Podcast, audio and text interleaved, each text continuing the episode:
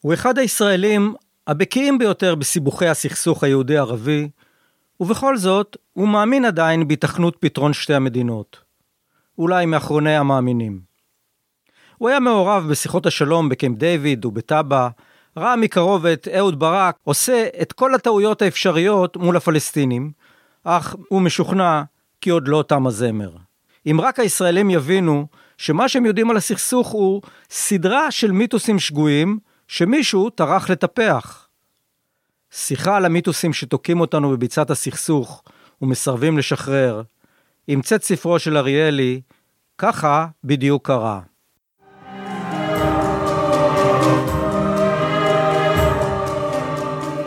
ברוכים הבאים לפודקאסט פרות קדושות, פרות קדושות, פרות קדושות, מיתוסים ישראליים עם יזהר באר. בפרק 58, ככה בדיוק נתקענו. שאול אריאלי מתקן מיתוסים נפוצים על הסכסוך. שאול אריאלי, שלום. שלום. טוב, קודם כל אה, אני שמח שאתה פה, כי אנחנו חולקים אהבה משותפת, או דאגה משותפת, או עניין משותף, וזה מיתוסים ישראלים. אני יודע מה מביא אותי לעיסוק בנושא. מה מביא אותך לעיסוק בנושא?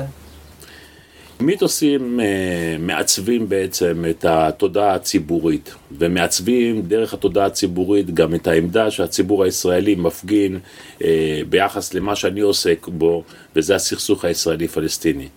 ולכן אני חושב שזה יהיה טוב יותר לציבור הישראלי להכיר יותר את, ה, את החלקים שאנחנו קוראים להם מרכיב האמת במיתוס, מאשר את uh, מרכיב הבדיה. כן. משום שכך הם יכולים לגבש בעצם עמדה שמבוססת על מציאות uh, שלמה יותר ולא על כן, בדיה. כן. אחד הדברים שמרתקים אותי, uh, ואולי אתה תנסה להסביר את זה יותר, את הקלות שבו, שבה מאמץ הציבור אה, מיתוסים שאמיתותם לא נבדקה עד הסוף, אה, נרטיבים מסולפים, תיאוריות קונספירציה, פייק אה, ניוז, מה, שקר, מה שקרוי אמיתות אלטרנטיביות. איך אתה מסביר את, ה, את הקלות הבלתי נתפסת שהתודעה הציבורית מאמצת דברים כאלה? תראה, אני בטוח שיש מאפיינים זהים לכל החברות, כי בכל החברות יש לנו אה, מיתוסים, אבל לגבי החברה הישראלית, אני חושב שזהו מהלך שקשור גם למערכת הפוליטית, כי המערכת הפוליטית שמובלת בישראל כבר הרבה שנים על ידי מה שאנחנו קוראים הימין הפוליטי, היא מערכת שהאג'נדה שלה סבורה שמלחמת העצמאות או הקמת מדינת ישראל, לפחות ביחס לגבולותיה, לא הושלמה. ולכן כדי לקיים חברה מגויסת להשלמת התהליך, יש דחיפה משמעותית ומתמדת של כל מה שקשור למיתוסים שקשורים לסכסוך, שעושים את ההבחנה בין טוב לרע, בין צודק ללא צודק, בין חכם ללא חכם. והאתוס הזה שמתקיים אתוס של הסכסוך הוא פשוט המטרה הפוליטית. עכשיו הציבור הישראלי קל לו עם העניין הזה משום שהציבור הישראלי היהודי הוא שבוי בחרדות ואנחנו יודעים על פי כל כך הרבה סקרים למשל סקר שנערך באוניברסיטת אה, אה, חיפה שרבע מהציבור היהודי סבור שהטענה שהערבים יזרקו אותנו לים היא תרחיש בעל סבירות מאוד גבוהה ולכן על החרדות הללו קל מאוד לשדר את המיתוסים שעושים את ההבחנה בינינו לבינם, בין טוב כן. לרע וכן הלאה.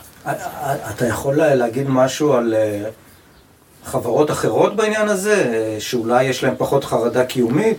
אה, נראה לי שלאמריקאים אין, אין פחות תיאוריות קונספירציה או מיתוסים או, או אמיתות אלטרנטיביות, בלי החרדות האלה. ללא ספק לכל חברה יש אה, אה, מניע אה, אחר. ולכן מה שצריך לבחון זה מהי המטרה הפוליטית, כי בסופו של דבר מיתוס נוצר כדי להשיג אה, מטרה פוליטית. ולכל חברה יש את המטרה אה, אה, אה, משלה, ואם אתה לוקח למשל את החברה האמריקאית והסיפור של הקומוניזם והאיום מברית המועצות לשעבר ורוסיה נכון. שלהם, כל הדברים הללו הם כר נוח כדי אה, אה, אה, לטפטף דרך המיתוסים, שאתה יודע, החוזקה של המיתוסים היא בכך שאף אחד לא מערער עליהם, הם מקבלים אותם כאקסיומה כמעט. בגלל, כן, כן, בגלל שרובם מבוססים על איזשהו גרעין של אמת. ללא ספק. בכל מיתוס חייב להיות גרעין אמת, והגרעין אמת הזה נתבע באומנות על ידי המערכת הפוליטית הרלוונטית לתוך שקר. ושבסופו של דבר הציבור הוא לא רואה את גרעין האמת שמסתתר, הוא, הוא קובע את עמדתו על פי עילת הבדיה, על פי מרכיב הבדיה שעוטף את גרעין אה, אה, האמת. אז בעצם אתה אומר שלמיתוס יש מטרה פוליטית, מיתוס שמחזק חרדה משרת מטרה פוליטית, למשל למנוע, במקרה שלנו, הסכם פשרה עם הערבים, החזרת שטחים וכדומה? אם את המיתוסים שקשורים ביחס לזכויותיו של העם הפלסטיני, אנחנו כל הזמן דוחים ומכחישים, זה משום שאנחנו מבקשים למנוע את האפשרות של הקמת מדינה פלסטינית בשטחי אה, פלסטינה המנדטורית. אה, המשורר אה, נתן אלתרמן אמר את זה בצורה מפורשת, הוא אמר אם אנחנו מצדיקים את הטענה שיש עם פלסטיני, הרי זה שולל אפילו מאיתנו את הזכות כי זה הופך אותנו לגזלנים. לכן כל עוד נטען שאין עם פלסטיני, בעצם הזכות שלנו על הארץ היא זכות אה, מלאה שלא נגזלת מאף אחד. גם מוסרית. גם מוסרית וכמובן כן. מדינית, משפטית, בכל היבט אחר. אבל, אבל אתה יכול לתת דוגמה למיתוס שנוצר בכוונת מכוון על ידי גורם פוליטי? כן, אני יכול לתת לך את הדוגמה הזאת, למשל, שעם ללא ארץ הגיע לארץ ללא עם. אה, המיתוס הזה נמצא בשירות מה שנקרא הציונות כבר למעלה ממאה שנה. מי יצר אותו? מי התחיל ביצירה? התחילו, אתה יכול למשל לקחת את, אה, את אה, קצלנסון, שהוא מדבר על למה יש לנו זכות על הארץ הזאת כי את הזכות הזאת קנינו בתקופת בית ראשון ובית שני באמצעות היצירה, העבודה, הבנייה. ומאז, בגלל שהארץ נשארה שוממה אה, וריקה, שום עם אחר לא קנה את הזכות הזאת. לכן בעצם, אם אני מצטט אותו, הוא אומר, הארץ ממתינה לנו, זה כאין אישור מחודש לזכותנו. וראה, לא עוברות להם אלא מאה שנה, ובכנס של האיחוד הלאומי של סמוטריץ ואריאל, אה, אה, אורי אריאל, בא ראש הממשלה נתניהו ב-2017 ואומר בדיוק, אומר הארץ הזאת הייתה שוממה ועזובה. ושוב, כדי לטעון שבעצם בארץ הזאת לא ישב עם אחר בעל זכויות פוליטיות. וכמובן יש לנו אין ספור דוגמאות אה, נוספות. אתה רוצה למשל ההתיישבות קבעה את גבולות ישראל. אם אתה לוקח את, ה, אה, את אה, חגי סגל, לפני כעשר שנים, הוא דיבר על תל חי, ואמר הלקח המרכזי מתל חי שעלינו לזכור אותו, זה שההתיישבות קבעה את גבולות הארץ ולא ההפך. והאמת היא שתל חי בכלל לא הוזכרה בשום דיונים, בשום אה, אה, אירוע, היא לא השפיעה על שום דבר. מי שקבע את הגבול של אצבע הגליל זאת העיירה מטולה, שנחשבה לדן החדשה, על פי הנוסחה התנ"כית מדן ועד באר שבע, ובטח לא כפר גלעדי ולא אה, אה, תל חי. כן. אולי, אולי זה המקום לציין פה שאתה הוצאת במסגרת העבודה שלך על, על, על מיתוסים, אטלס מפות של אה, הסכמים פוליטיים בין הצד העברי לצד הערבי מאז בעצם אה, הצהרת בלפור. כן. אה, שזה דבר מאוד נדרש בעולם, מתורגם לכמה שפות. שש שפות. שש שפות עד עכשיו. כן. מה היה המניעה שלך להוציא את האטלס הזה? הרעיון היה להוציא את האטלס זה לתת באמת את הכלי הפשוט ביותר, אבל גם הבהיר ביותר והממוקד ביותר, לציבור הרחב. בשיחה שהייתה לי עם ראשת מכון טרומן, אה, פרופסור אה, ורד סרוסי, אמרתי לה, אני רוצה פיאט 600, לא לבורגיני. משהו שיהיה לכל אחד אפשרות לקחת, להכיר אותו. ולכן מה ששמתי שם באטלס זה באמת 35 אבני דרך מרכזיות, מכמו שאמרת הצהרת בלפור, אבל מנגד ישר העמדתי את מכתבי חוסיין מקמאון אה, ב-1915 וסייקס פיקו עם הצרפתים ב-1916, ומשם דרך כל ההיסטוריה של הסכסוך עד הצעת אה, טראמפ בינואר 2020, שמאפשר לכל אחד לקבל מושג בסיסי. הוא שומע מושג כמו אה, ועידת סן רמו, כל מה שהוא צריך לעשות זה לפתוח את הכפולה מצד אחד יש לו את המפה, ומצד שני יש לו הסבר קצר של טקסט של עמוד אחד בלבד, שמסביר לו את עיקרי הדברים באובייקטיביות האפשרית. אז מי שמעיין במפות, מהראשונה ועד האחרונה, לאל, לאילו מסקנות הוא יכול להגיע? מי הצד הדפוק פה? מה, מה השורה התחתונה? האמת היא שלא הלכתי לכיוון הזה אה, באטלס, כי נמנעתי ככל שניתן אה, אה, מפרשנות או, מ, או מאחיזה בנרטיב אחד כזה או אחר, אלא נתתי ביטוי למהלכים הרשמיים שבהם כל צד אוחז ברגע שהוא בא להצדיק את הנרטיב שלו. כמו למשל אמרתי חוסיין מקמאון למול הצהרת בלפור.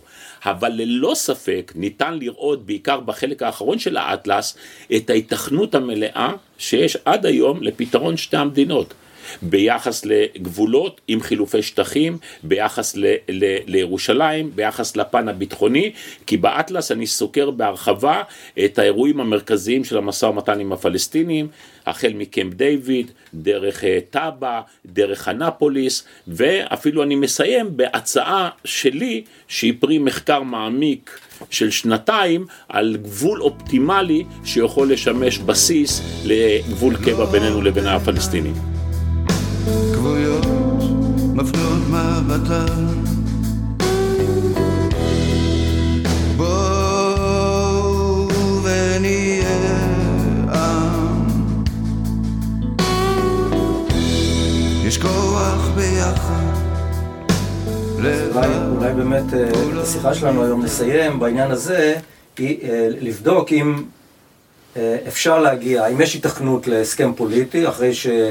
אה, הרבה אנשים רציניים כבר אה, אה, קברו את העניין קבורת חמור, אבל רציתי לדבר על הספר הקרוב שעומד לצאת, שלך, שנקרא "ככה בדיוק קרה", שנראה כמעין השלמה של, או, או המשך הקו של, של האטלס, שבעצם אתה, אתה נותן עובדות, עובדות מול מיתוסים, בנדמה לי 12 נושאים. כן. אני אמנה כמה מהם. עם ללא הארץ, חז...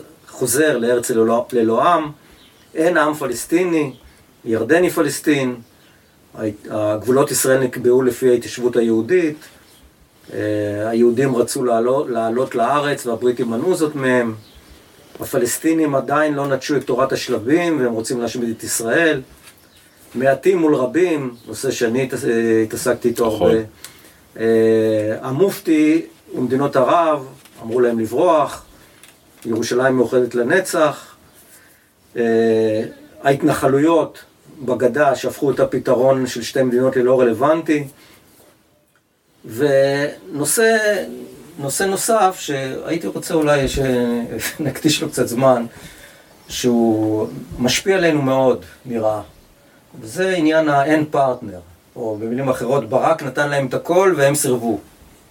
אה, זה פנומן מאוד מעניין, כי בעצם אה, מה שאנחנו ראינו זה שראש ממשלת ישראל, אה, בשם מחנה השלום או מחנה השמאל או מחנה הפיוס, הלך למשא ומתן עם הצד הפלסטיני, שבסיומו הוא אמר, הפכתי כל אבן ואין פרטנר. והמצב הפוליטי העגום שבו אנחנו נמצאים קשור אה, ישירות לאמירה הזאת או לכישלון הזה וכדומה. הייתי רוצה שגם ת, תנסה לדייק את העובדות וגם תנסה לפרשן מה קרה פה. איש, איש הרי לא יכול uh, להימנע מדעה שברק הוא איש חכם ומבריק. או שהוא עשה טעויות uh, כמעט uh, בלתי נתפסות, או שיש פה אישיות uh, בעייתית, או שיש פה צירוף של דברים אחרים. איך אתה, איך אתה מסביר את מה שקרה. שאנשים שואלים, האם יש פרטנר, הם שואלים בעצם רק חצי שאלה. כי השאלה השלמה היא פרטנר לאיזו תוכנית. ואם אתה שואל את השאלה במלואה, אתה מצליח להבין את העמדה הפלסטינית שעה שהם ניגשו לתהליך אה, אה, אוסלו. מה קרה בעצם עם הפלסטינים? הפלסטינים במשך 71 שנה, מ-1917, מהצהרת בלפור ועד 1988, ניהלו שיח על זכויות עקרוניות, שהם אומרים, הזכות שלנו, שהייתה לנו להגדרה עצמית, ב-1917 או ב-1922, אם יינתן המנדט, בגלל שהיינו הרוב המכריע באוכלוסיית הארץ ובעלי הקרקעות, נשללה מאיתנו. ולכן במשך 71 שנה הם ניהלו שיח תוקפני, אלים, כדי להחזיר את הזכויות שלהם. אבל הם הבינו שזה לקח אותם לנכבה. זה לקח אותם להיעדר אזרחות, לקח אותם לפליטות. לכן ב-88, עם כל מיני שינויים גיאו-אסטרטגיים עולמיים ואזוריים, הם שינו את הגישה שלהם משיח של זכויות עקרוניות לשיח שמבוסס על הלגיטימציה הבינלאומית. ומבחינתם, החלטה 242. הם קיבלו את החלטה 242 שאומרת בסופו של דבר, ישראל צריכה לסגת משטחים שכבשה במלחמת ששת הימים, ומבחינתם התרגום הוא שפלסטין תקום על 22 אחוזים. כן. זה הוויתור הגדול שלהם.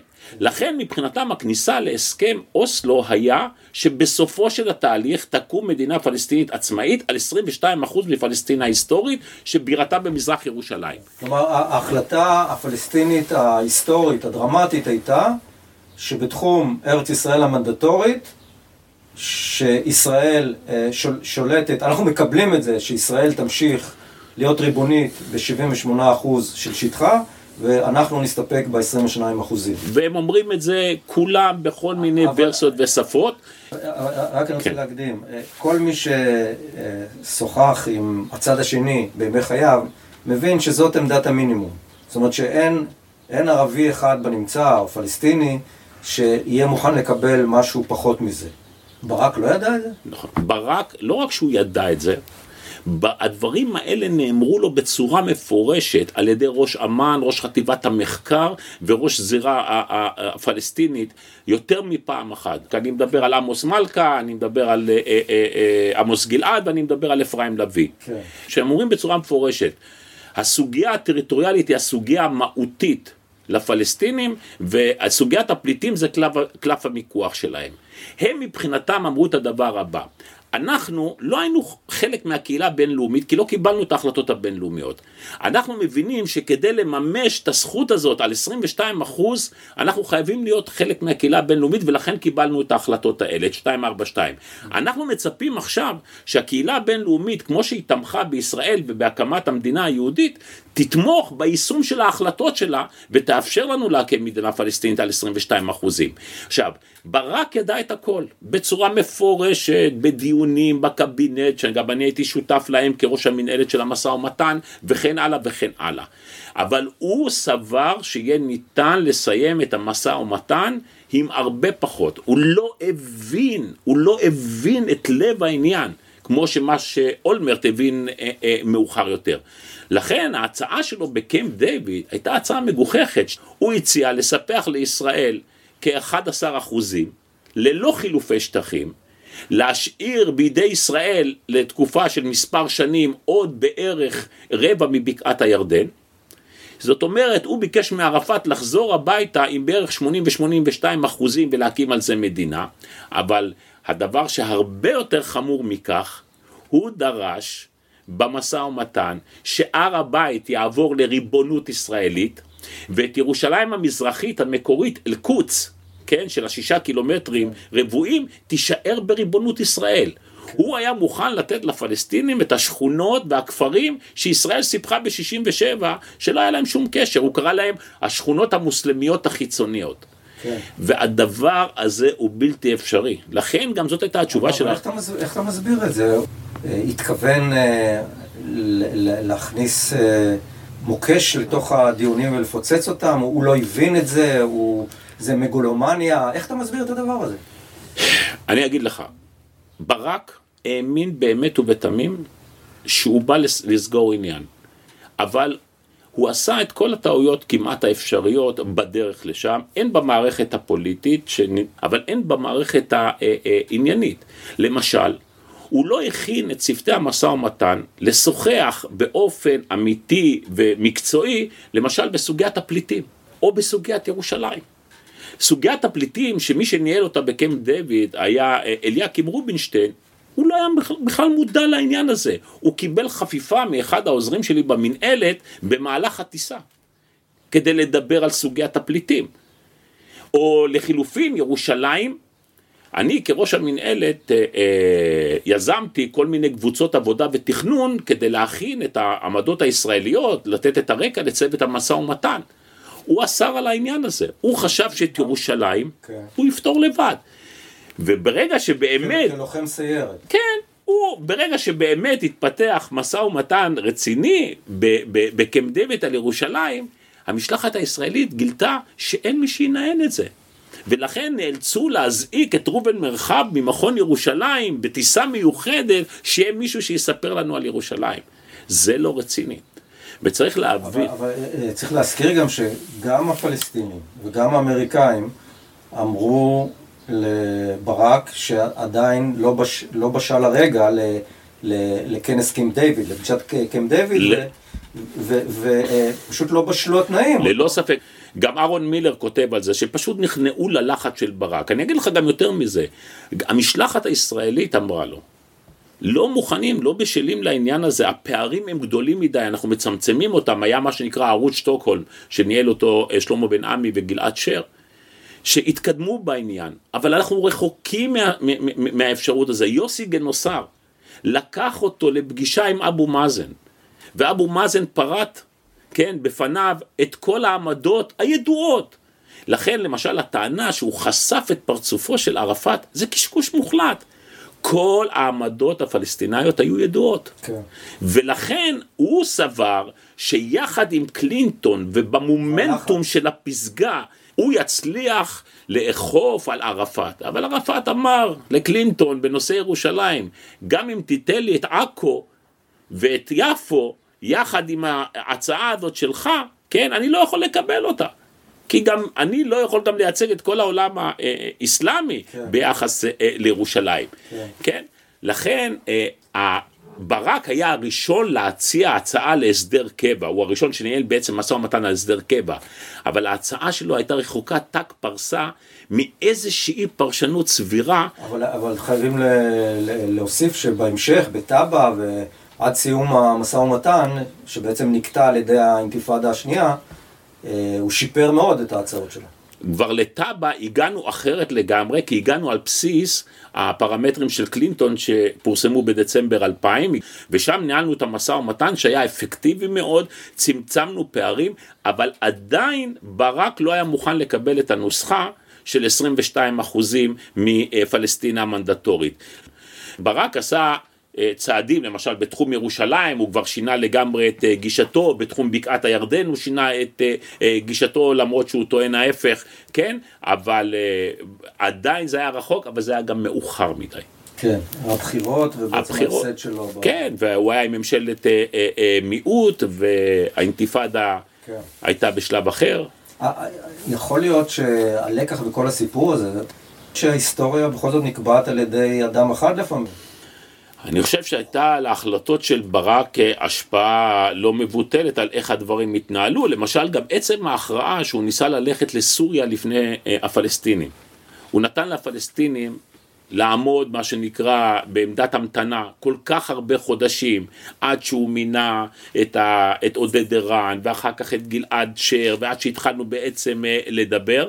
והוא ניסה לנצל את העניין הזה לקידום השיחות אה, אה, עם, עם הסורים בניגוד לכל מה שהציעו האנשים מסביבו. וגם שם לפחות אה, אה, אורי שגיא, מי שהיה ראש המשלחת, טוען שהוא זה שהכשיל את המשא ומתן בספר שהוא פרסם, היד שקפאה, שהוא מתייחס ליד של אה, ברק.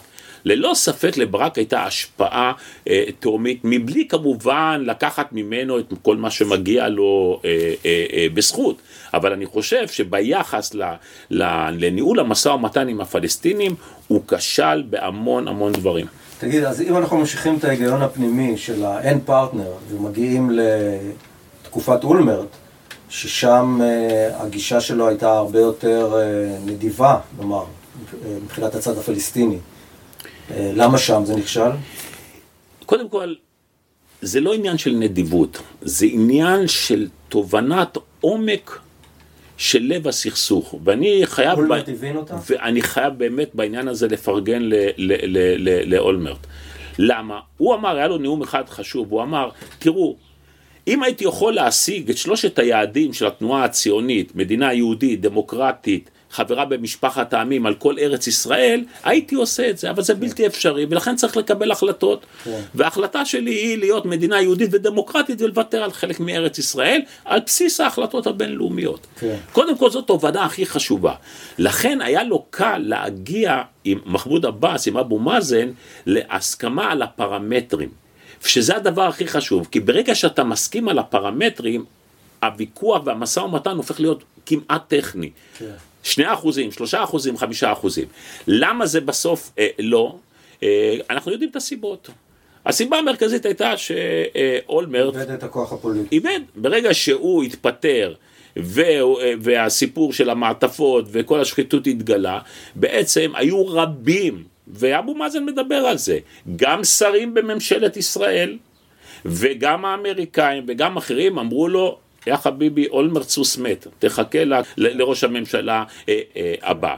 וזה היה פספוס, שדרך אגב, גם אבו מאזן חושב שמבחינתו זה היה פספוס, לא לנסות לסגור את הפער האחרון. לא שהוא לא הציע, למשל אני אתן לך בתחום הטריטוריאלי, ישראל הציעה שישה וחצי אחוזים חילופי שטחים, ואבו מאזן הציע 1.9 אחוזים, אבל הוא כבר הציע אז ללכת לנקודת האמצע, להכפיל את ההצעה שלו. זאת אומרת, להגיע לחילופי שטחים של 4 אחוזים, שזה היה מאפשר לישראל לשמור 80 אחוז מהישראלים שגרים מעבר לקו הירוק בריבונותה. כן. אבל זה הכל היה מאוחר מדי אה, על רקע ההתפטרות של אה, אה, אה, אולמרט.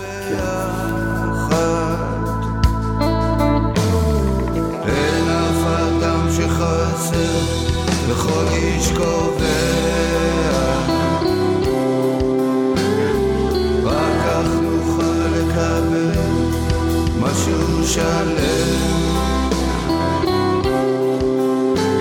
זה חוק אהבה שיורד וכך הוא קובע אנחנו מדברים על אה, סיום הסכסוך, או על העתיד בכלל, אז הימין אומר, אה, אנחנו ממשיכים בעצם את אה, מסורת תנועת העבודה, ואיפה שנקים נקודות התיישבות, שם תהיה מדינת ישראל בסופו של דבר. יכול להיות שהם צודקים? ממש לא, ממש לא. קודם כל, אם אנחנו מסתכלים, הרי אני עוסק בזה גם באחד המיתוסים ב- ב- בספר, גבולות ארץ ישראל המנדטורית נקבעו משיקולים שונים לחלוטין מאשר התיישבות. היה יישוב אחד בלבד שהשפיע על הגבול בצפון, וזה היה מטולה. עכשיו, גם אה, ההתיישבות עצמה השפיעה על תוכניות החלוקה, לרבות תוכנית החלוקה ב-1947, אבל אף אחד מהם אה, אה, אה, אה, לא מומשה. מה שקבע באמת את גבולות ישראל, אלה מלחמות ישראל, ובראש ובראשונה מלחמת העצמאות. הקו הירוק, קווי שביתת הנשק, או קווי 67, איך שנקרא לזה. עכשיו, גם, אני מזכיר לך, היו התנחלויות בסיני, בצפון סיני. אה, הם נשארו שצה"ל, שישראל חתמה על הסכם שלום עם מצרים? לא, פינינו עד האחרון שבהם וחזרנו עד הסנטימטר האחרון. כשיצאנו מעזה, פינינו את ההתנחלויות, כמו שפינינו בצפון אה, אה, אה, השומרון. כן. זאת אומרת, אין באמת במיתוס הזה שההתיישבות תקבע, אבל יחד עם זאת, צריך לזכור שאם ייחתם באמת הסכם קבע עם הפלסטינים, גבול הקבע יושפע מההתנחלויות, אבל לא מכולם. לא מההתנחלויות המבודדות, לא מההתנחלויות המרוחקות, אלא מההתנחלויות שצמודות לקו הירוק, ולשמחתנו, רוב המתנחלים גרים בהתנחלויות האלה, בעיקר החרדים, כמו מודיעין עילית וביתר עילית. אבל צריך גם להדגיש עוד דבר, גם אם ההתנחלויות הגדולות האלה יקבעו את הגבול, את הגבול הקבע אה, של ישראל, הם לא יוסיפו לישראל ולו דונם אחד. כי כל הסכם מחויב. כן, בחילופי שטחים אחד על אחד, בדיוק כמו שעשינו עם ירדן. כן. האדמות החקלאיות של היישובים בערבה, אמנם השפיעו על שינוי הגבול עם ירדן בהסכם השלום ב-94, אבל הם לא הוסיפו ולו דונם אחד למדינת ישראל. ואלה שמעוניינים לאמץ ולחזק את המיתוס הזה, זה האינטרס שלהם, להוסיף שטחים למדינת ישראל.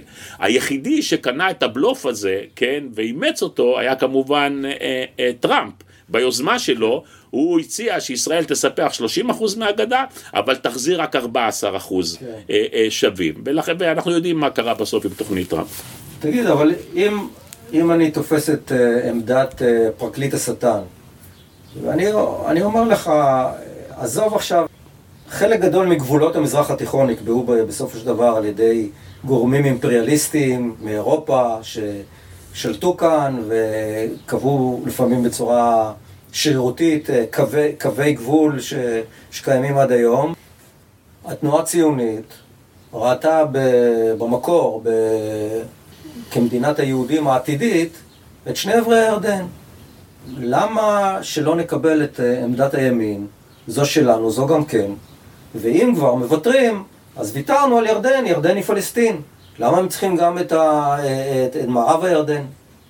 ראשית, עבר הירדן המזרחי, בניגוד למה שהמיתוס אומר, מעולם לא הובטח לנו.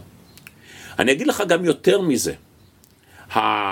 הרי מה הבסיס לכל הלגיטימציה של התנועה הציונית? הצהרת בלפור. מה כתוב בהצהרת בלפור? שהבית היהודי יקום בפלסטינה.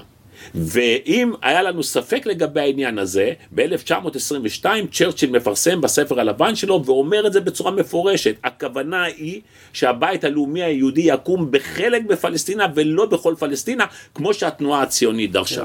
על מה מסתמכים אלה שטוענים שעבר הירדן המזרחי הוא שלנו? הם מסתמכים על כך שבוועידת סן רמו ניתן מנדט אחד פלסטינה שכולל היום את אה, אה, ממלכת ירדן ואת אה, אה, ארץ ישראל. אז מה? עדיין בתוך הפלסטינה הזאת יקום רק בחלק ממנה על פי הצהרת בלפור. אבל אני אגיד לך גם יותר מזה. התנועה הציונית מעולם לא דרשה את כל עבר הירדן המזרחי. ההצעה המקסימלית שהציגה התנועה הציונית, כן, באמצעות הנציגים שלה בפברואר 1919 בוועידת השלום בפריז, הייתה על 20% משטחה של ירדן היום. כל השטח שנמצא ממע... ממערב למסילת הברזל החיג'אזית. עכשיו, גם יותר מזה אני אגיד לך. ב-1922, שאושר כתב המנדט, ונת... והתנועה הציונית הייתה צריכה להכריע ביחס לעניין הזה, היא קיבלה ואישרה את ההוצאה של עבר הירדן המזרחי מתחולתה של הצהרת בלפור. זאת אומרת, הייתה הסכמה מלאה של התנועה הציונית לכך שעבר הירדן המזרחי לא יהיה, לא, לא, לא יהיה תחת uh, תחולתה של הצהרת בלפור. ולכן, מבחינה משפטית ומבחינה מדינית, אין שום צידוק שאתה יכול להגיד שעבר הירדן היה שלנו, אלא אם כן אתה הולך להיסטוריה הרחוקה, אבל היא לא רלוונטית. אבל לא זאת הנקודה, יזהר. הנקודה האמיתית היא שכמו שאמרנו, לתנועה הציונית היו שלושה יעדים. ארץ דמוקרטית, בעלת רוב יהודי כדי לשמור על צביון יהודי ועל כל שטחה של אה, אה, פלסטינה המנדטורית. אם אתה לוקח את כל שטחה של פלסטינה המנדטורית, לא רק המערבית והמזרחית, אלא רק המערבית, אתה לא יכול לקיים מדינה יהודית ודמוקרטית. זה בעצם לב העניין. כן. וזה גם מה שעמד בפני אה, מקבלי ההחלטות של התנועה הציונית. ולכן, כמו שאתה יודע היטב, מ-37, מוועדת פיל, ההנהגה הציונית כל הזמן מכריעה ביחס לסדר העדיפות של שלושת היעדים האלו על מדינה דמוקרטית בעלת רוב יהודי, תוך כדי ויתור על חלק מארץ ישראל. ולכן אם הימין רוצה לשנות את סדר העדיפות, המשמעות היא או שזאת תהיה מדינת אפרטהייד, או דיקטטורה של מיעוט כמו שקרא לזה בן גוריון, או שזאת תהיה מדינה ערבית ודמוקרטית, כי הם רוב. כבר היום יש רוב לא יהודי בין הים לבין הירדן, וזה עדיין ללא הפליטים. כן.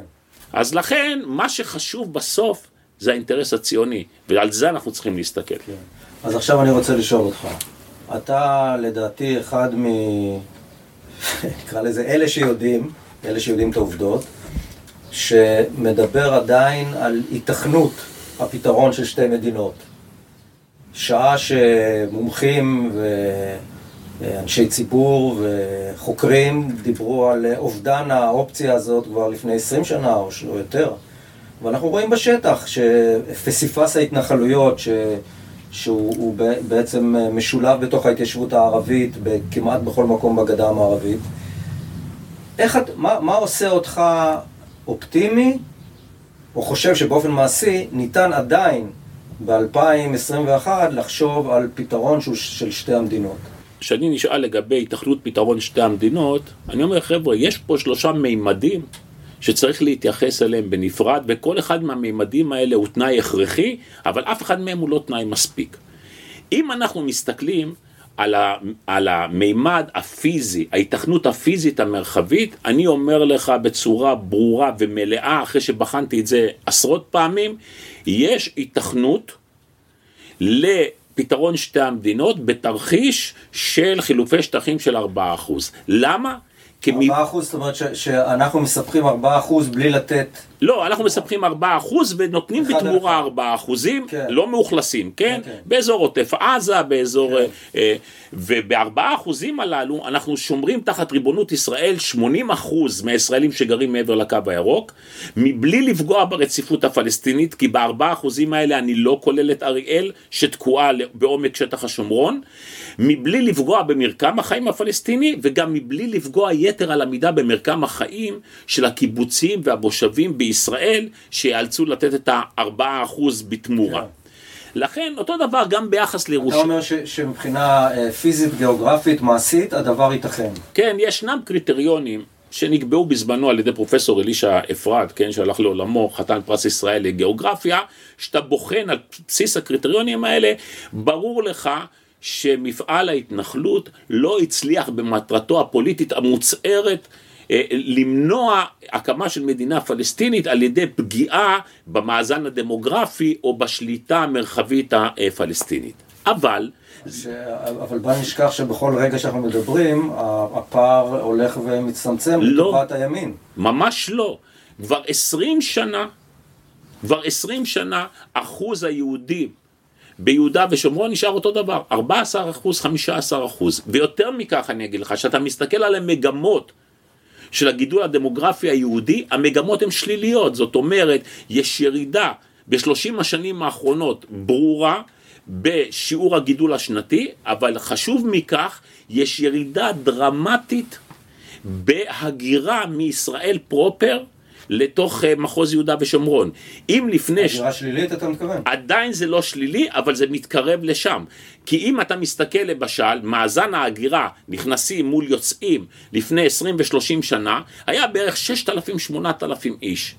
אתה יודע שבשנה האחרונה מאזן ההגירה היה בסך הכל 400. ירידה דרמטית. דרמטית, וישנם יישובים שאפילו סובלים לא רק מהגירה שלילית, אלא מגידול שלילי.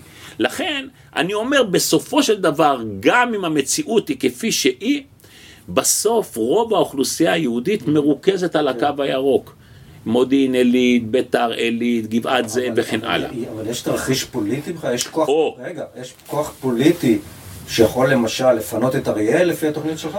אני חושב שיש, משום שבסקרים שנערכו באריאל יש נכונות, זאת אוכלוסייה מבוגרת, ממעמד סוציו-אקונומי נמוך? בינוני, באריאל יש 20 אלף. אריאל היא העיר היהודית הכי קטנה בשטחים, בניגוד למה שתשעה מעשרה ישראלים חושבים. ויש נכונות בקרב עשרות רבות של אחוזים ביניהם לעזוב תמורת פיצוי הולם. או שנמשיך לשלם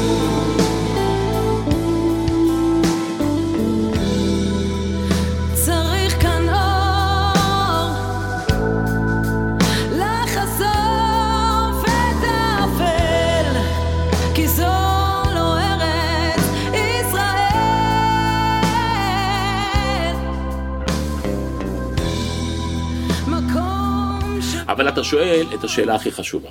המימד השני זה ההיתכנות הפוליטית. ופה אני מסכים לחלוטין עם כל המומחים. אין היתכנות פוליטית היום מצידה של ישראל לפתרון שתי המדינות. זה נאמר בצורה מפורשת, זה לא מופיע בעקרונות היסוד של הממשלה. בפברואר 2019, למעלה מ-40 חברי כנסת ושרים של, של הקואליציה יצאו מה שנקרא הצהרת שמיר.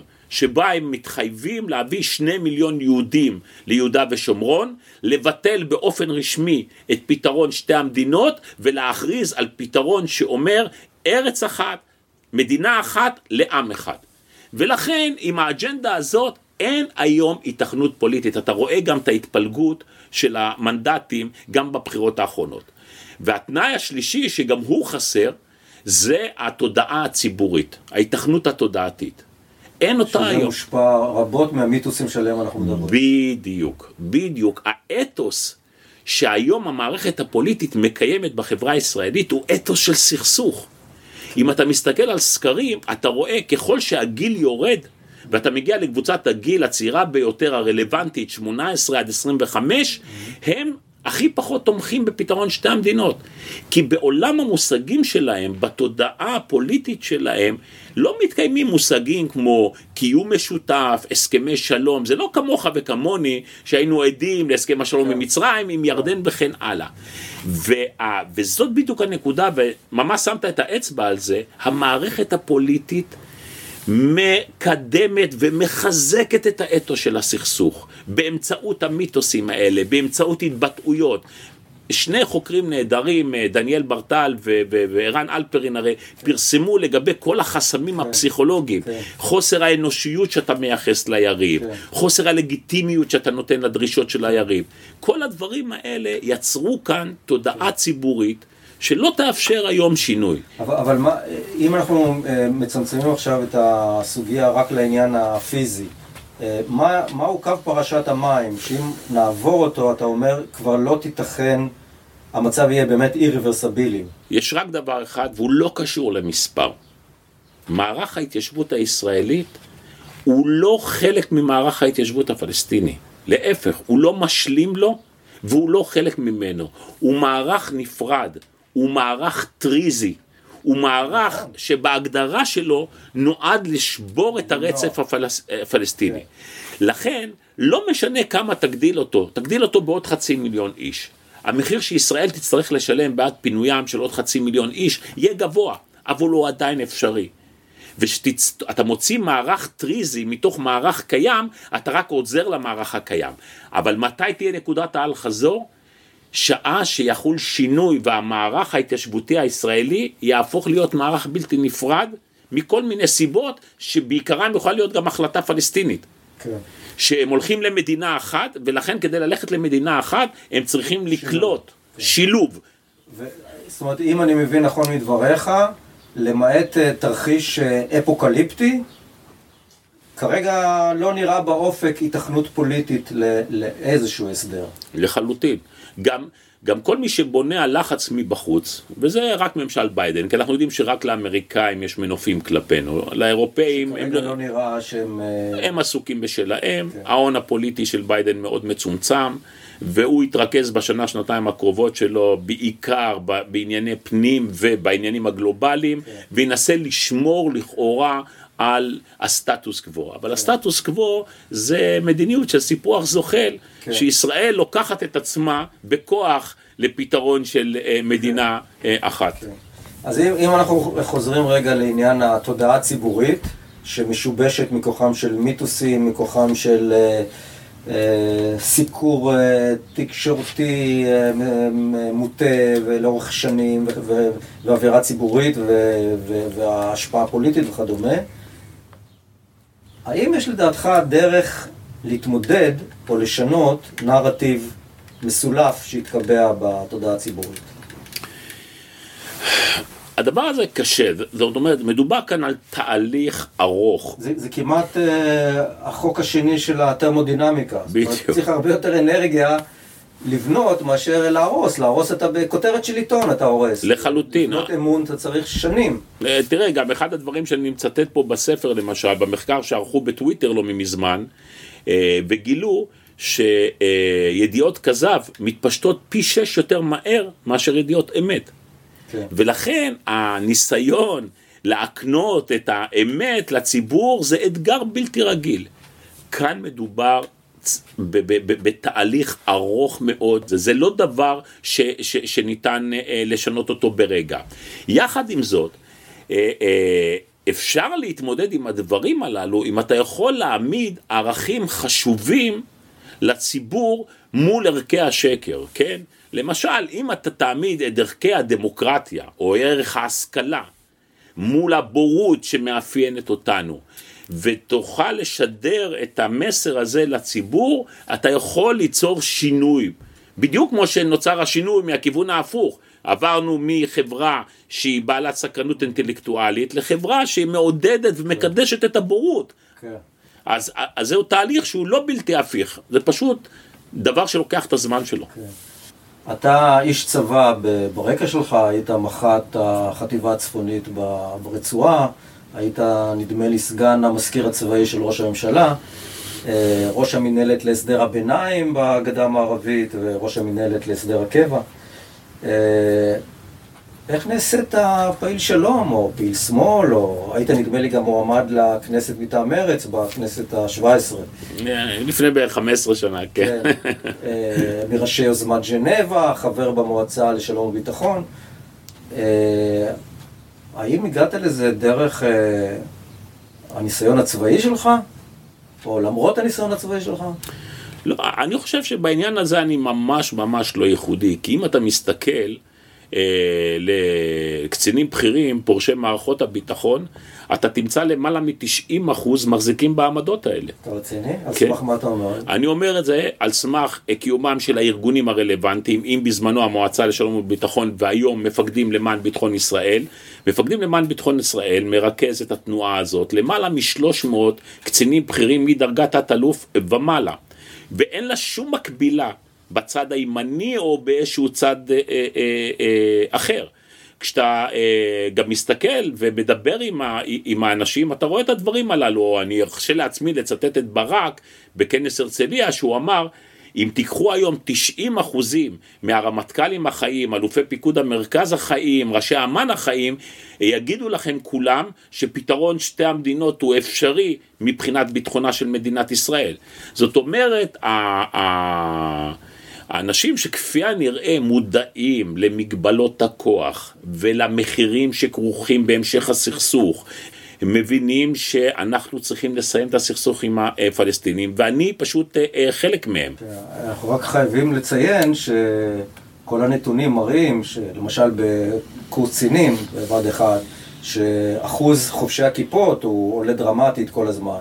אז כשאתה מדבר בעצם על, ה, על ראש הפירמידה של הפיקוד הבכיר בשעבר, אז מדובר בדור, אה, בדור הקודם. והדור הבא, מן הסתם, יהיה מורכב אה, מהרבה מאוד אה, חובשי כיפות, ושהמצב אה, הולך להשתנות, גם, בצ, גם בצה"ל, גם במערכת הביטחון.